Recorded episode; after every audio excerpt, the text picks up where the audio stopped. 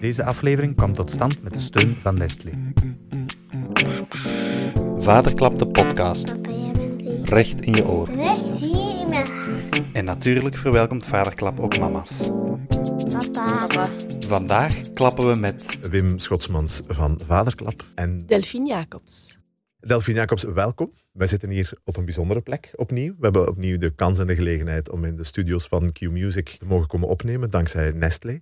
Delphine, mag ik vragen, wie ben jij? Wat drijft jou? Wat brengt jou hier? In de eerste plaats eh, ben ik eh, een vrouw van uh, vooraan in de 40. Ik heb drie kinderen tussen 8 en 14 jaar.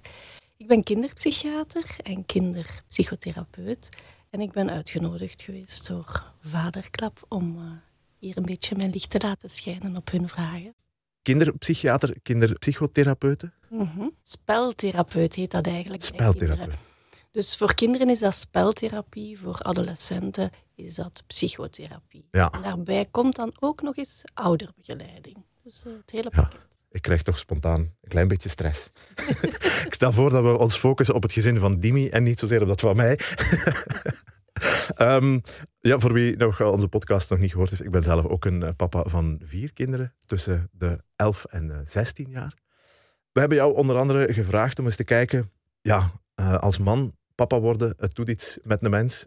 Dat kunnen we allemaal wel bevestigen. Ik herinner mij persoonlijk, als ik de eerste keer van de bijna mama te horen kreeg, hè, ik ben zwanger, wij worden ouders. Ik vond dat een fantastisch gevoel, uiteraard. Maar ik heb heel hard gemerkt, pas bij de geboorte voelde ik mijn papa. Mama's zijn mama van het moment dat ze zwanger zijn. Ja. En ik heb altijd een beetje het gevoel dat wij als man, als vader, negen maanden achter staan. Zo, dat we beginnen met een achterstand aan het ouderschap. Wat is uw kijk daarop? Het valt niet te ontkennen dat de biologische verschillen tussen mannen en vrouwen maken dat het begin van een zwangerschap anders is voor een man dan voor een vrouw. Als vrouw zit dat babytje van in het begin in je buik en dat heeft uiteraard alvast een lichamelijke invloed. En vermits het lichamelijke ook samenhangt met het geestelijke, met de beleving, heeft het ook daar een invloed op. Als papa hoor ik inderdaad vaak dat, dat, dat die periode van negen maanden voorafgaand aan de bevalling, aan de geboorte, ja, een, een, een wat moeilijkere periode is, waar je dan riskeert als, als mama en als papa een wat andere beleving te hebben van wat er zich aan het voltrekken is in Ja. die buik. Uh, toch geloof ik dat er manieren zijn om de papa al van heel erg in het begin te betrekken bij die zwangerschap. En dan uh, vanwege verschillende uh, invalshoeken eigenlijk. Ik denk dat de maatschappij daar al een heel grote rol in kan spelen van inderdaad van in het begin ook echt die papa te zien als volwaardige ouder van het kind en dus bijvoorbeeld ook uh, ziekteverlof te voorzien op, of, of, sociaal verlof te voorzien op het werk wanneer er naar de vroedvrouw moet gegaan Ja. worden of wanneer er een echo moet genomen worden. Hè. Uh, de mensen rondom het koppel, familie, vrienden, kunnen ook echt wel de papa al gaan aanspreken als papa. Hè. Ja, ja. Dat, dat lijkt misschien iets klein, maar symbolisch heeft dat een heel grote waarde. Zelfs voor mama's eigenlijk, hè, want het is zo dat lichamelijk er al heel wat aan het gebeuren is en toch de dag dat dat eerste kindje daar is, is het ook belangrijk om echt te voelen vanuit de omgeving. En dus in de eerste plaats de eigen ouders, maar eigenlijk ook vrienden en, ruimere familie. Dat je echt vanuit de gemeenschap eigenlijk die rol van papa toegewezen krijgt. Hè? Van papa of van mama. Dat dat echt, uh, dat de, gemeenschap jou daar ook uh, in ziet in die rol. Hè? En, en, en door dat geloof vanuit de gemeenschap kan je ook zelf die rol echt gaan opnemen. Um, en in de derde plaats natuurlijk, naast gemeenschap, familie en vrienden, is er de mama zelf, denk ik, die, die, die er wel heel veel baat bij kan hebben van van in het begin echt te proberen papa te betrekken. Ook zelfs in het lichamelijke, hè, door inderdaad uh, te delen van hoe, dat, dat dan voelt lichamelijk. Door uiteraard ook de, de, de bewegingen van de baby, maar dan zijn we al wel verder in Ja. de zwangerschap te laten voelen door de papa. Door ook hem als mama ook echt als papa te gaan aanspreken. En hem al nog voor het babytje er is eigenlijk echt wel een volwaardige plaats naast zich te geven ten opzichte van de baby. Want ligt daar dan al een stukje de oorzaak van hetgeen dat nu zo vaak gezegd wordt? Hè? De, de, ik denk dat het uh, Nina Mouton is die met de concepten afgekomen is van, uh, allez, zo zit het in mijn hoofd, van de mama poortwachter en de afwachtende papa. Ehm, kunnen we daar op dat moment eigenlijk al voor de zwangerschap, en, allee, tijdens de zwangerschap en misschien ook al vooraf in het gesprek rond ouderschap, daar al aan werken? Ja, ik denk dat dat het heel belangrijk is van daar inderdaad op voorhand al aan te werken. Door echt er een gemeenschappelijke beleving van te maken. Door er samen als mama en papa heel veel over te praten. Uh, niet alleen over dat lichamelijk aspect waar ik daar juist het over had, maar echt van ja, goh, wat doet dat nu met u en met mij? Hè? Ja. Uh, waar zijn we mee bezig? Wat, wat maakt ons bang? Uh, wat, wat, voor fantasieën hebben we over wat voor een babytje dat dat gaat zijn? Wat voor ouder willen we zijn? Het risico is inderdaad door die lichamelijke beleving dat er um, de nadruk gelegd wordt op de, die heel uh, symbiotische beleving, puur biologisch Ja. al, tussen mama en kind.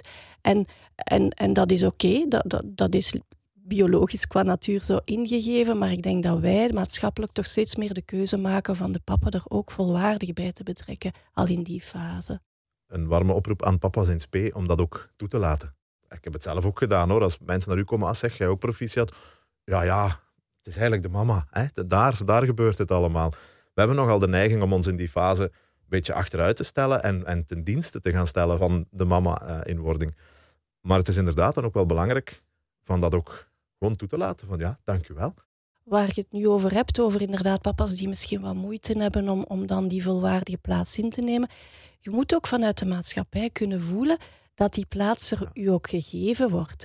En, en dat dat ook mag, dat je als papa ook echt mocht zeggen van... Oeh, amai, zeg, ja, die buik wordt maar dikker. Ik weet niet wat mij te wachten staat. Ik, uh, ik hoor van andere papa's dat dat toch niet evident is om nog elk weekend uh, te gaan sporten, bijvoorbeeld.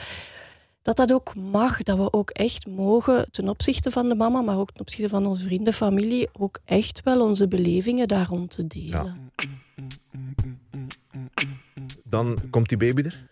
Iedereen associeert dat met een vreugdevol moment, met een woehoe moment. Eindelijk, daar is die. Maar dat is niet altijd zo. Hè. Er zijn toch ook, als ik me niet vergis, cijfers die wijzen op hè, postnatale depressies bij mama's. Dat is een thema dat wel vaker aan bod komt. Maar er zijn ook papa's die niet per definitie die grote roze wolk ervaren, om het zo te zeggen. Hebt u daar ervaring mee? Ja, absoluut. Daar is heel veel ervaring mee. En ook dat heeft dan toch weer te maken met hoe we als maatschappij dat voorstellen. Het is een, een, een heel uh, grote ervaring, maar ook een overweldigende ervaring, die zoals de meeste overweldigende ervaringen zowel positieve als negatieve kanten heeft. Hè, om het dan zo wat uit, uh, uitgesproken uit te drukken. Het is enerzijds fantastisch en anderzijds ja, word je echt gecatapulteerd in uh, ja, een, een andere of een bijkomende identiteit aannemen, ja. zou ik zeggen. Hè? Je bent al uh, man, vriend, zoon van en dergelijke. En nu word je wel degelijk papa. En, en oh, met alle twijfels en angsten en, en vragen die, die daarbij opkomen. Daarboven, laat ons eerlijk zijn, de meeste heel jonge baby's zijn niet zo gemakkelijk te hanteren. Hè? Ik denk dat uh, die roze wolk voor de meesten wel, wel heel rap naar beneden dondert. Gewoon al doordat dat kleintje ja, heel wat ongemakken heeft. En hoe kan dat dat uiten? Ja, alleen via wenen, s'nachts wenen. ja, bij voorkeur s'nachts. um, dus het, het is gewoon ook wel uh, een heel moeilijke periode. Ook daarin denk ik dat we allemaal samen best wel eerlijk in mogen zijn. Van, van ja, fantastisch en, en, en heel straffe ervaring. Maar ook wel best een moeilijke periode waarin we ook de anderen heel erg nodig hebben. Hè. Uh, heel vaak wordt er dan gedacht aan, hè, heel typisch, de schoonmoeder, maar eigenlijk bij voorkeur alle anderen ook. Hè. Ja. Uh, uh, misschien kan, kan er een vriend een keer langskomen. Ja, momenteel is dat dan op het terras natuurlijk en niet binnen. al is het maar een kwartiertje om even te kunnen ventileren. Misschien kan de buurvrouw een keer lasagne maken en voor de deur komen zetten. Of een, een, een, jong koppel heeft nog... Wij zijn sowieso heel erg sociale wezens. Ik denk dat we dat afgelopen jaar allemaal wel nog veel sterker zijn gaan beseffen. Maar een jong koppel bij uitstek heeft zoveel nood aan omringd te zijn door anderen... om die, die hevige en moeilijke periode op een zo goed mogelijke manier door te komen. Ja, het is iets dat in de vorige podcast die we hier mochten opnemen, Jan, papa geworden recent. En hij zegt, het is aan de ene kant fijn, het hele corona-verhaal, want het brengt rust. En je moet niet, en je hebt niet constant volk over de vloer. Maar hij zegt, ik mis ook echt wel het gesprek. En, en de andere papa's die zeggen, eh goh ja, maar ja, je moet daar niet mee inzitten. Ik snap het, ik, ik weet dat, dat, dat je in die fase zit, maar dat gaat voorbij. Of, of, dus het is wel belangrijk inderdaad dat daar ruimte voor is. Ja, dat is wel interessant wat je zegt, want je maakt een beetje het verschil tussen het klassieke babybezoek Ja. en gewoon een persoonlijk contact waarin je kunt ventileren. En misschien dat klassieke babybezoek, goh, misschien hebben jonge ouders daar niet zo vaak veel aan. Misschien moeten we daar ook wat eerlijker in zijn. En is het prettiger eigenlijk dat, dat mensen alleen of per twee langskomen, zodat je wat persoonlijker kunt worden en echt wel ook dingen kunt, kunt delen. In de twee richtingen. Hè? Ja, Misschien ja. heeft uw vriend vorig jaar een babytje gekregen, kan die wel wat vertellen van goh, intussen gaat het al wel wat beter enzovoort, kan die wat hoop brengen. Ja, of, of het babybezoek omdraaien, denk ik soms ook. Nu komen altijd de mensen op bezoek, hè, wat logisch is, want het is niet soms niet zo makkelijk om je te verplaatsen met zo'n klein babytje. Hoewel dat nog het gemakkelijkste is, want die kan niet zeggen: nee, ik wil niet. Ehm, maar het kan soms ook wel deugd doen, eh, heb ik zelf ook ervaren, van buiten te komen. Ja. Mensen komen graag op bezoek en denken: van we doen, we doen goed, we doen u een plezier door bij, naar u te komen dat jij je niet moet verplaatsen. Ja, je voelt je dan verplicht om iets in huis te hebben en de mensen fatsoenlijk te onthalen. En verder. Absoluut, absoluut. Dat is een, dat is een, heel goede tip. En ik denk dat nu met corona dat dat automatisch wel wat vaker gebeurt. Dat Ja. mensen eigenlijk gaan wandelen samen. Hè? Ja, En je kunt op tijd je babytje terug in bed gaan leggen, bijvoorbeeld. Ja. Ja. Misschien is het idee om een, een groter babybezoek, of dan hè, de meest, meer typische babyborrel, om dat eigenlijk maar na drie maanden te doen. Ja. Wanneer de baby al wat minder last heeft van, van aanpassingsmoeilijkheden aan, het, aan het leven eh, in de lucht, laten we zeggen, hè, eh, buiten de baarmoeder, wat minder last heeft van krampjes, waar de ouders al wat meer hun weg gevonden hebben en waar het misschien voor hen gewoon ook prettiger is om dan opnieuw gastvrouw en gastheer Ja. te zijn. om dan terug wat sterker te staan. Een ander punt waar ik het ook nog eventjes met u over wil hebben, is tijdens die eerste maanden, heel vaak is het dan borstvoeding en zo, heb je ook als vader minder ruimte. Of eh, heb je het gevoel dat er minder ruimte is om, om tot contact en tot verbinding te komen met uw kind. Zijn er daar mogelijkheden, wegen, tips om, om, om eigenlijk vanaf dag één aan dat gevoel te kunnen werken, om die, om die band te versterken? Ja, ik denk dat dat een beetje aansluit bij wat we eerder zeiden. Hè? Dat, dat ehm, daar in de eerste plaats misschien een rol is voor ehm, de ruimere maatschappij, maar eigenlijk ook de mama, die eigenlijk hormonaal zo gaat functioneren dat ze inderdaad een heel hechte, nauwe band met het kindje gaat, gaat opbouwen. ehm, met een heel sterk eh, beschermend gevoel ook. Dus ik denk dat voor veel mama's het, het een, een bewuste keuze en inspanning vergt om echt ertoe te komen van plaats te maken voor de papa. Want oh, eigenlijk, hè, buiten die borstvoeding zijn er nog best wel veel lange en moeilijke momenten over, hè, waar papa wel een rol kan spelen. Maar, maar als mama met de hormonen die vrijkomen door de geboorte van een kindje, en zeker ook daarna eventueel met borstvoeding, ja, zijn ze zo eigenlijk eh, eh, aan het werk in hun hersenen dat ze die, die neiging hebben om, om, om heel erg te gaan eh, de, de, de mama kloek eigenlijk Ja, te zijn van het kindje. En, en nochtans ben ik ervan overtuigd dat de meeste mama's momenteel echt wel die papa naast zich willen en nodig hebben. Mhm. Want ja, het leven wordt toch wel steeds complexer. Het opvoeden van kinderen is, is verdorie niet gemakkelijk. Dus ze willen die papa wel. Maar ik denk dat ze daar soms een beetje tegen hun, hun allereerste instinct van moeten ingaan. En echt wel die papa betrekken. En uiteindelijk is dat ook heel erg in hun voordeel. Want zoals we al zeiden, het is een moeilijke periode. En eh, als je die met twee kunt doorspartelen, dat komt iedereen ten goede. En, en niet in de eerste plaats de baby zelf. Hè. Ja. Die voelt van, goh, oké, het is nu even te veel voor mijn mama. Oké, ah, maar daar is mijn papa. Mijn mama gaat nu even iemand. bijtanken. Maar mijn papa die kan er weer tegen. Ja, ja, Ja, dat geeft ook heel veel veiligheid aan, Ja. aan de baby. Het is belangrijk dat er contact is en dat er mensen rond zijn en dat je eens kunt gaan luchten. Maar het is ook een beetje het gevaar dat in die hectiek en in die drukke periode, dat het koppel elkaar een beetje verliest. Ja. Omdat je de, de nachten afwisselt, bij wijze van spreken, en alle twee erdoor zit en op en moe. Hebt u daar een kijk op, op dat aspect?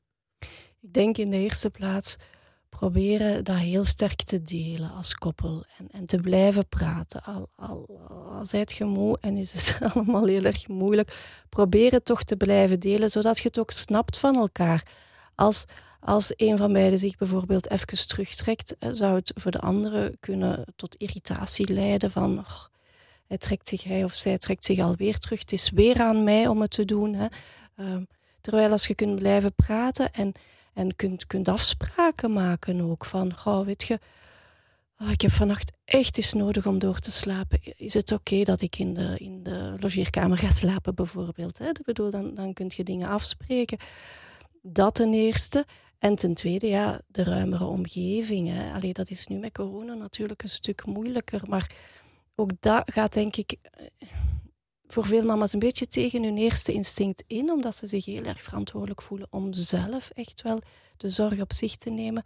Maar durf te geloven dat het ook voor de baby beter is van eigenlijk eh, zijn of haar hechting te kunnen diversifiëren over verschillende personen heen.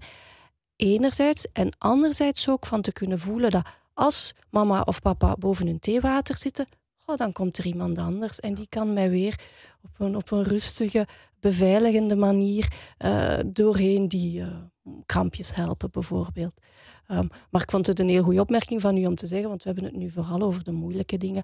Laat ons vooral ook niet vergeten dat er tussen die moeilijke momenten in, dat er ook fantastische dingen zijn. Het is, ja, we mogen toch ook uh, wel zeggen dat, dat ouder worden een, een, heel bijzondere ervaring is. En, en, en misschien nog bijzonderder als we ze kunnen delen met onze partner en met de mensen rondom ons. Ja, ik vind het, het stukje, het diversifiëren van de hechting, vind ik inderdaad een mooie kijk, maar ook het gevoel geven aan een, aan een kind dat, um, dat er ook andere mensen zijn die kunnen helpen. Hè? Dat, dat, dat, je, dat het kind voelt van oei, mama zit erdoor, papa wordt knettergek, dan gaan we oma pesten. Ja. Um, en dat dat oké okay is, vind ik wel uh, ja, vind ik een, mooie, een mooie kijk daarop. Een vraag die wij regelmatig krijgen als wij ook met Vaderklap, we hebben onlangs bij de Gezinsbond uh, ook meegedaan met een, met een infomoment. De hechting papa-kind, wordt gezegd, is vaak anders dan mama-kind. Is dat, is dat zo? Is een hechting, een, een verbinding die een papa maakt met een kind, per definitie anders dan de verbinding die een mama maakt met een kind? Er zijn uiteraard biologische verschillen tussen mannen en vrouwen, maar doorslaggevend momenteel is toch wel de cultuur. Ik denk dat dat trouwens niet alleen voor, voor hechting en, en ouderschap uh, uh, opgaat, maar eigenlijk voor heel veel dingen. Hè. Eigenlijk uh, nemen wij toch wel steeds meer op een heleboel vlakken enigszins in meerdere of mindere mate wat afstand van onze natuur. Wat niet wil zeggen dat we die moeten ontkennen, verre van, maar dat we toch wel ons bewust zijn van, van de invloed van de cultuur. En dan zien we dat goh, mama's en papa's zijn mensen en zijn dus in alle vormen en maten uh, beschikbaar. En daar bestaat enorm veel overlap tussen mama's, papa's. Je hebt, je hebt ook koppels uh, die, van twee mama's die een kind hebben, koppels van twee papa's. We weten ook dat dat naar hechting toe geen enkel probleem is. Hè. Um, je hebt ook alleenstaande ouders, best wel veel, die dan eigenlijk een beetje mama en papa tegelijk proberen te zijn. Hopelijk met toch nog wel best wel wat netwerk daaromheen, want anders wordt het wel heel zwaar. Maar oh, zo het idee van mama is, is, is, um, is, is kalm en zorgend en papa is diegene die meer autoriteit heeft en de, de zottere spelletjes doet. Oh, ik denk dat dat in veel gezinnen wel al losgelaten wordt en dat er eigenlijk, dat zowel mama's als papa's zich vrij voelen om zich eigenlijk in alle aspecten aan hun kind te tonen. En dat komt uiteindelijk ook het kind ten goede, dat dat ook kan voelen van of ik nu een jongen of een meisje ben. Goh, ik, ik mag wel echt op zoek gaan naar, naar wie ik ben, wie ik wil zijn met de anderen, van welke activiteiten ik houd. Ik hoef mij niet te, te conformeren aan het stereotype jongens-meisjesbeeld. Ja zwart-witte genderverhaal is, is gelukkig, er komt heel veel grijs tussen. Maar het maakt het als ouder ook niet gemakkelijker. Hè? Vroeger was het rolverdeling, taakverdeling zeer, allez, 95% of 99% van de gevallen zeer duidelijk. Vader werkt en brengt de centen binnen en moeder zorgt voor een proper huis, eten en de sloeven die klaarstaan. Dat is weg, gelukkig maar. Het maakt het niet gemakkelijker. Hè? Er wordt een nieuwe invulling verwacht van het ouderschap. Van beide kanten, hè? dus niet alleen voor papa's. Ja, dat is zeker zo. Ik, we hebben heel veel duidelijkheid opgegeven. Ja. Ik ben ervan overtuigd dat er heel veel en waardevolle dingen voor in de plaats komen. En dan met name dat wat ik daar juist zei, hè, naar kinderen toe. Maar evengoed dan voor ons als, als mama, papa en dus man, vrouw. Dat wij toch ook echt wel meer ruimte krijgen om, om onze manier van zijn in te vullen. In overeenstemming met hoe we het ook echt voelen. Um, maar het is een feit dat die onduidelijkheid heel wat, wat mensen onzeker maakt. En dat is ook iets wat je op maatschappelijk niveau uh, weerspiegelt. Ziet dat er toch wel heel wat groepen zijn die dan terug naar een, een, een, een heel duidelijk autoritaire persoon aan het hoofd van uw land bijvoorbeeld gaan kiezen. Dus er, is, er zijn die twee bewegingen. Enerzijds de beweging weg van de duidelijkheid en anderzijds ja, zijn wij ook gewoon zo dat we graag wel wat houvast hebben. Um, dus ik denk dat voor ieder van ons dat het wel goed is om op zoek te gaan naar een evenwicht daarin. Hè. Uh, we hoeven ook niet alles los te laten. Um, binnen een gezin krijg je sowieso wel ergens een opdeling van uh, verantwoordelijkheden. En dat hoeft momenteel zeker niet meer altijd, denk ik, uh, volgens de stereotype verdelingen te lopen. Maar het feit dat er afspraken en duidelijkheid is in het gezinsverloop, dat mag echt nog wel. Zeker ook jonge kinderen uh, houden daar eigenlijk ook wel van. Van, van duidelijkheid, voorspelbaarheid. En wij allemaal eigenlijk wel. Laat ons dat ook niet vergeten. Hè. De, onze thuis is ook de plek waar we echt moeten kunnen ons op, ons gemak voelen. En ons op ons gemak voelen, voor veel mensen blijft dat ook betekenen ook ergens wat duidelijkheid. En duidelijkheid die ook wel wat flexibel is. Want dat is toch ook iets wat we hebben nu hè, tot nu toe vooral over zwangerschap en heel jong kind gehad. Maar naarmate kinderen groter worden, um, is dat misschien nog wel, wel de grootste uitdaging voor ouder, is hoe onwaarschijnlijk flexibel je moet zijn. En die kinderen, die, die, die veranderen bijna van dag tot dag. En dus moet je als ouder en als ouderkoppel ook dag na dag bijna op zoek gaan naar van, goh ja, we hebben wel graag wat houvast, wat, wat structuur in ons gezinsleven. Maar dat zal voor een kind van 14 niet hetzelfde zijn als voor een kind van 4. Nee, hopelijk niet. Zeker niet voor die 14-jarige, want dan is het heibel in huis, denk ik.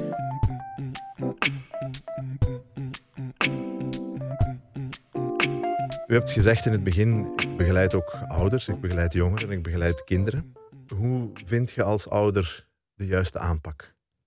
Ik denk dat in, in de, de complexiteit van, van ons huidig leven komt er enorm veel informatie op ons af over inderdaad wat dan de juiste aanpak zou zijn. Ik denk dat we mogen vertrouwen op onze intuïtie. We zijn zelf allemaal ook kind gehad. Hopelijk hebben we een, een beetje een oké kindertijd gehad. Voelen we ons op dit moment ook een beetje oké. Dat, dat, is wel, denk ik, wat de voorwaarde om te, te te, te kunnen vertrouwen, te durven vertrouwen op, op je eigen intuïtie.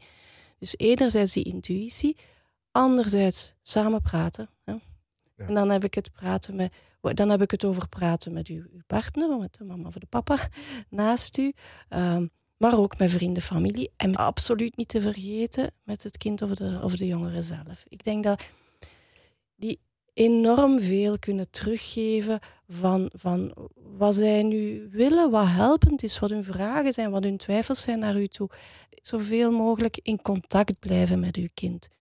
Dat kan een momentje zijn wanneer je het kind of de jongere zelfs hè, in bed stopt. Dat kan een meer formeel moment zijn, dat je als, als gezin eigenlijk echt zo'n soort gezinsgesprek installeert, uh, wekelijks rond de keukentafel jongeren hebben de neiging om zich um, een beetje te gaan afkeren van thuis en zich te keren naar leeftijdsgenoten. Dat is normaal. Vaak gaat dat ook gepaard met meer in, de, in, de, in hun eigen kamer zitten. Hè. Ja, maar durf toch als ouder, ja, durf als ouder te blijven proberen, al krijg je soms misschien de deur op je neus. Ja, dat is, dat is, dat is best wel lastig. Hè. Um, maar blijf toch proberen om echt in contact te staan met die jongeren, om voeling te hebben met waar die mee bezig is ga dus nooit eens naast hem of haar zitten als hij een, een, een videospel aan het spelen is. En, en, toon interesse van wat is dan nu het soort videospel dat jij leuk vindt. Eh, we weten dat dat, dat zelfs uh, niet alleen heel uh, prettig is om in contact te blijven met uw, uw, jongeren, maar ook nodig om in voeling te blijven. Want het internet biedt enorm veel, heel veel positieve dingen, maar zoals iedereen weet ook heel veel negatieve dingen. Dus daar wil je als ouder ook bij betrokken blijven om, om uiteindelijk uh, inzicht te krijgen in wat, wat uw jongeren interesseert, maar ook een oogje in het zeil te kunnen houden of, of het allemaal wel veilig blijft gebeuren.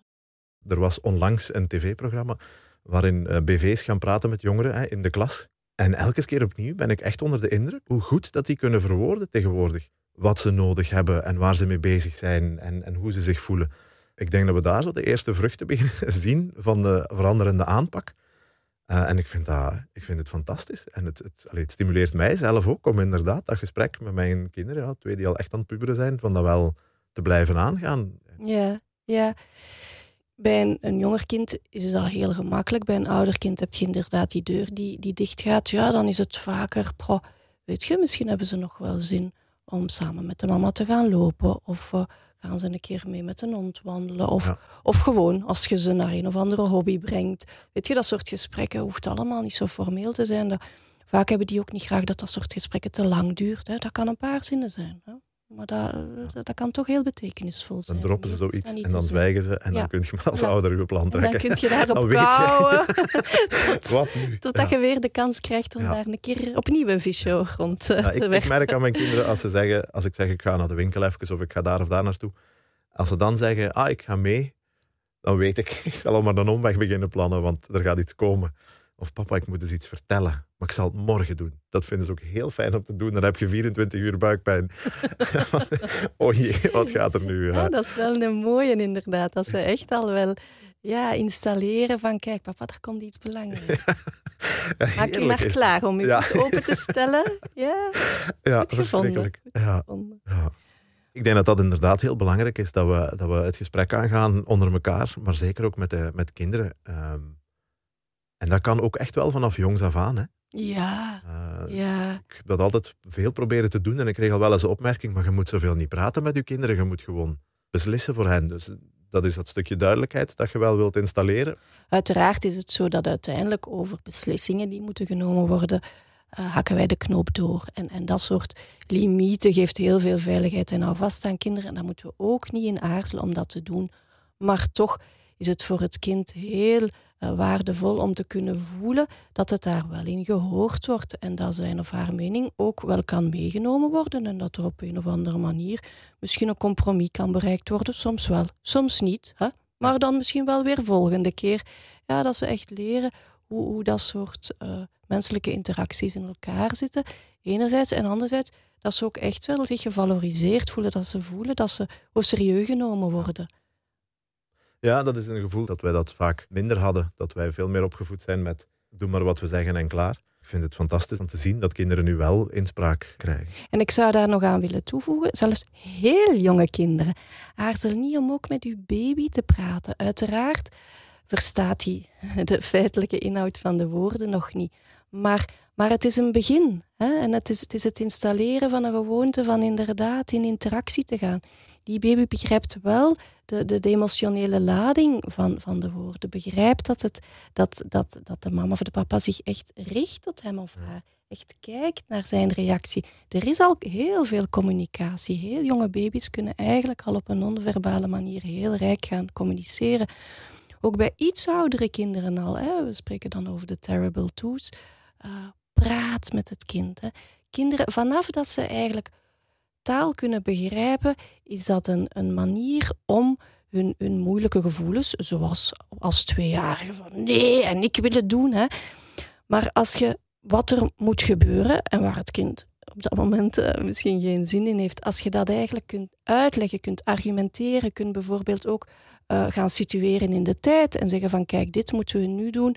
Maar hè, als, als de wijzer op de drie staat, dan mocht jij iets anders doen. Of, eigenlijk zijn dat allemaal heel rijke dingen om die, die lastige gevoelens, waar, waar kinderen ook, de goeien ook trouwens, maar ook de lastige gevoelens waar ze mee kunnen zitten, om die te gaan um, een plaats geven voor zichzelf en ook naar de anderen toe. Ja, want we mogen niet verwachten dat als ze tien jaar worden of twaalf jaar worden en wij vinden het tijd voor een gesprek, dat ze dat dan ook kunnen, zomaar out of the blue. Hè. Het is iets Klopt, toch, uh... begin er van in beginnen ja. en dan, uh, dan is de goede gewoonte al geïnstalleerd.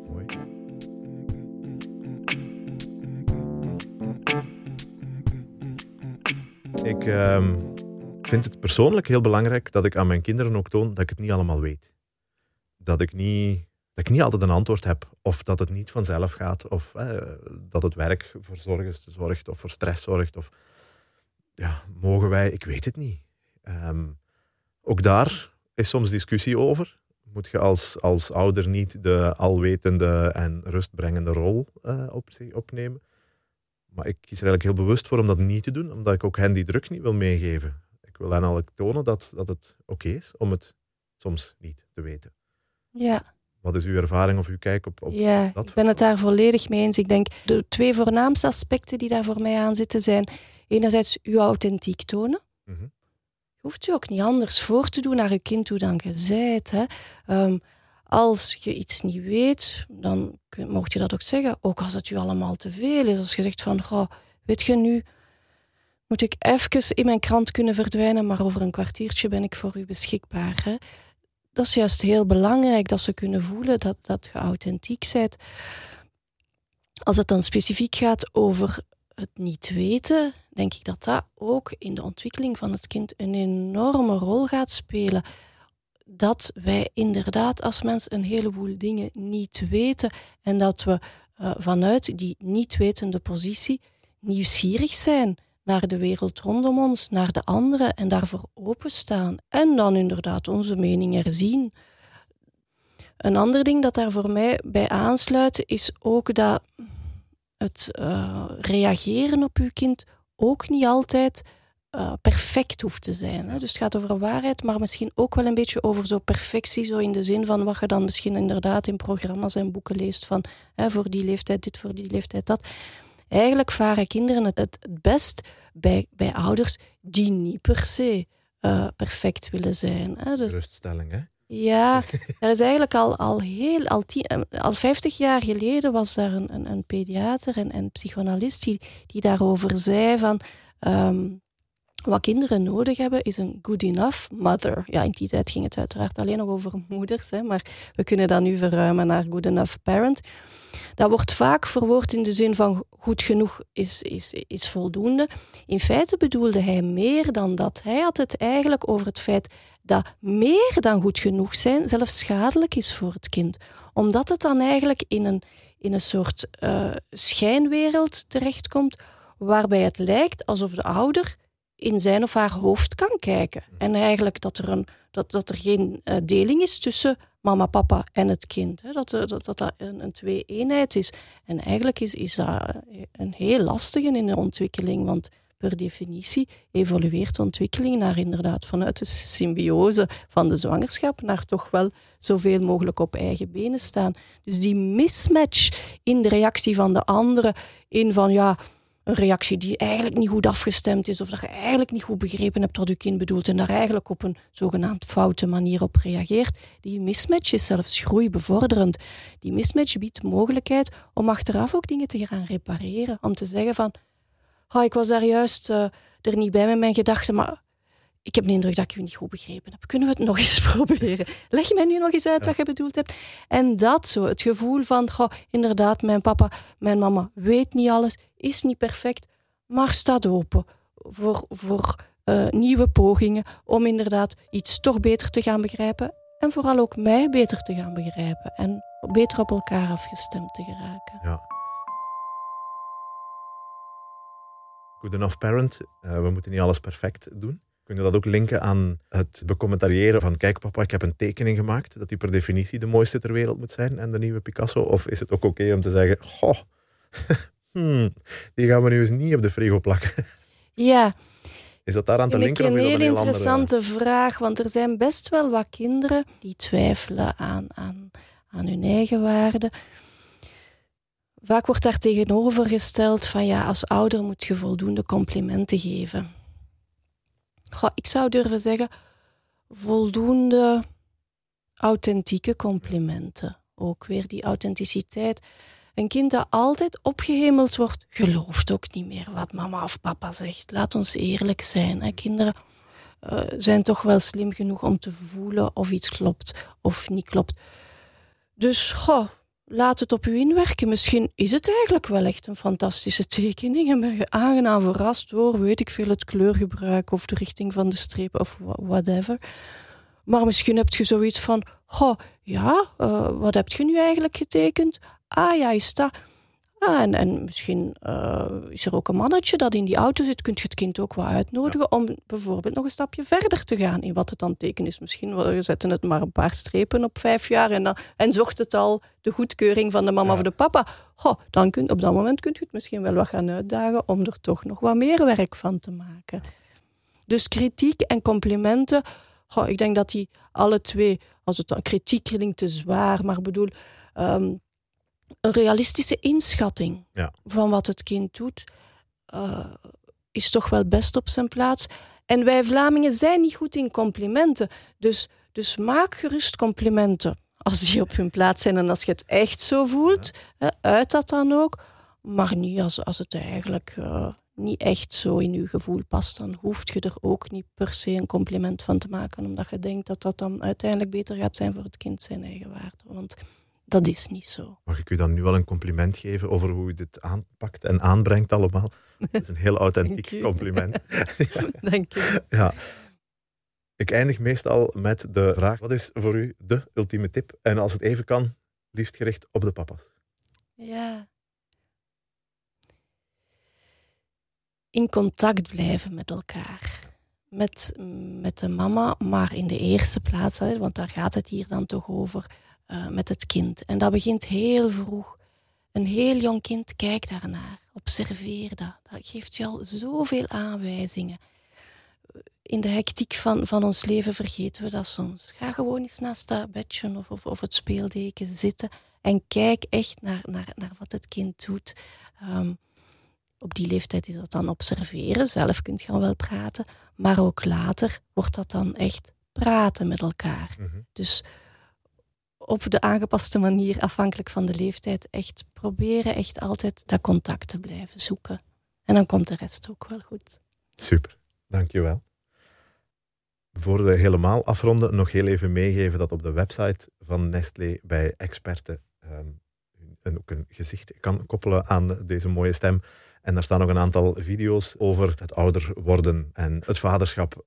Dank u wel dat u helemaal naar hier bent willen komen. Graag gedaan. Dank u wel. Dank u. U luisterde naar Studio Vaderklap. Papa. Mis geen enkele aflevering en abonneer je gratis via eender welke podcast-app, via Spotify, Soundcloud of luister gewoon op vaderklap.be. Papa. Papa. Vaderklap wordt opgevoed en grootgebracht door de founding fathers Pieter en Dimi, met de hulp van Wim, Stijn en Hans. De muziek is van Daan Richard, featuring Oeroes. Inderdaad, een vaderklap. Deze opname werd ondersteund door Nestlé.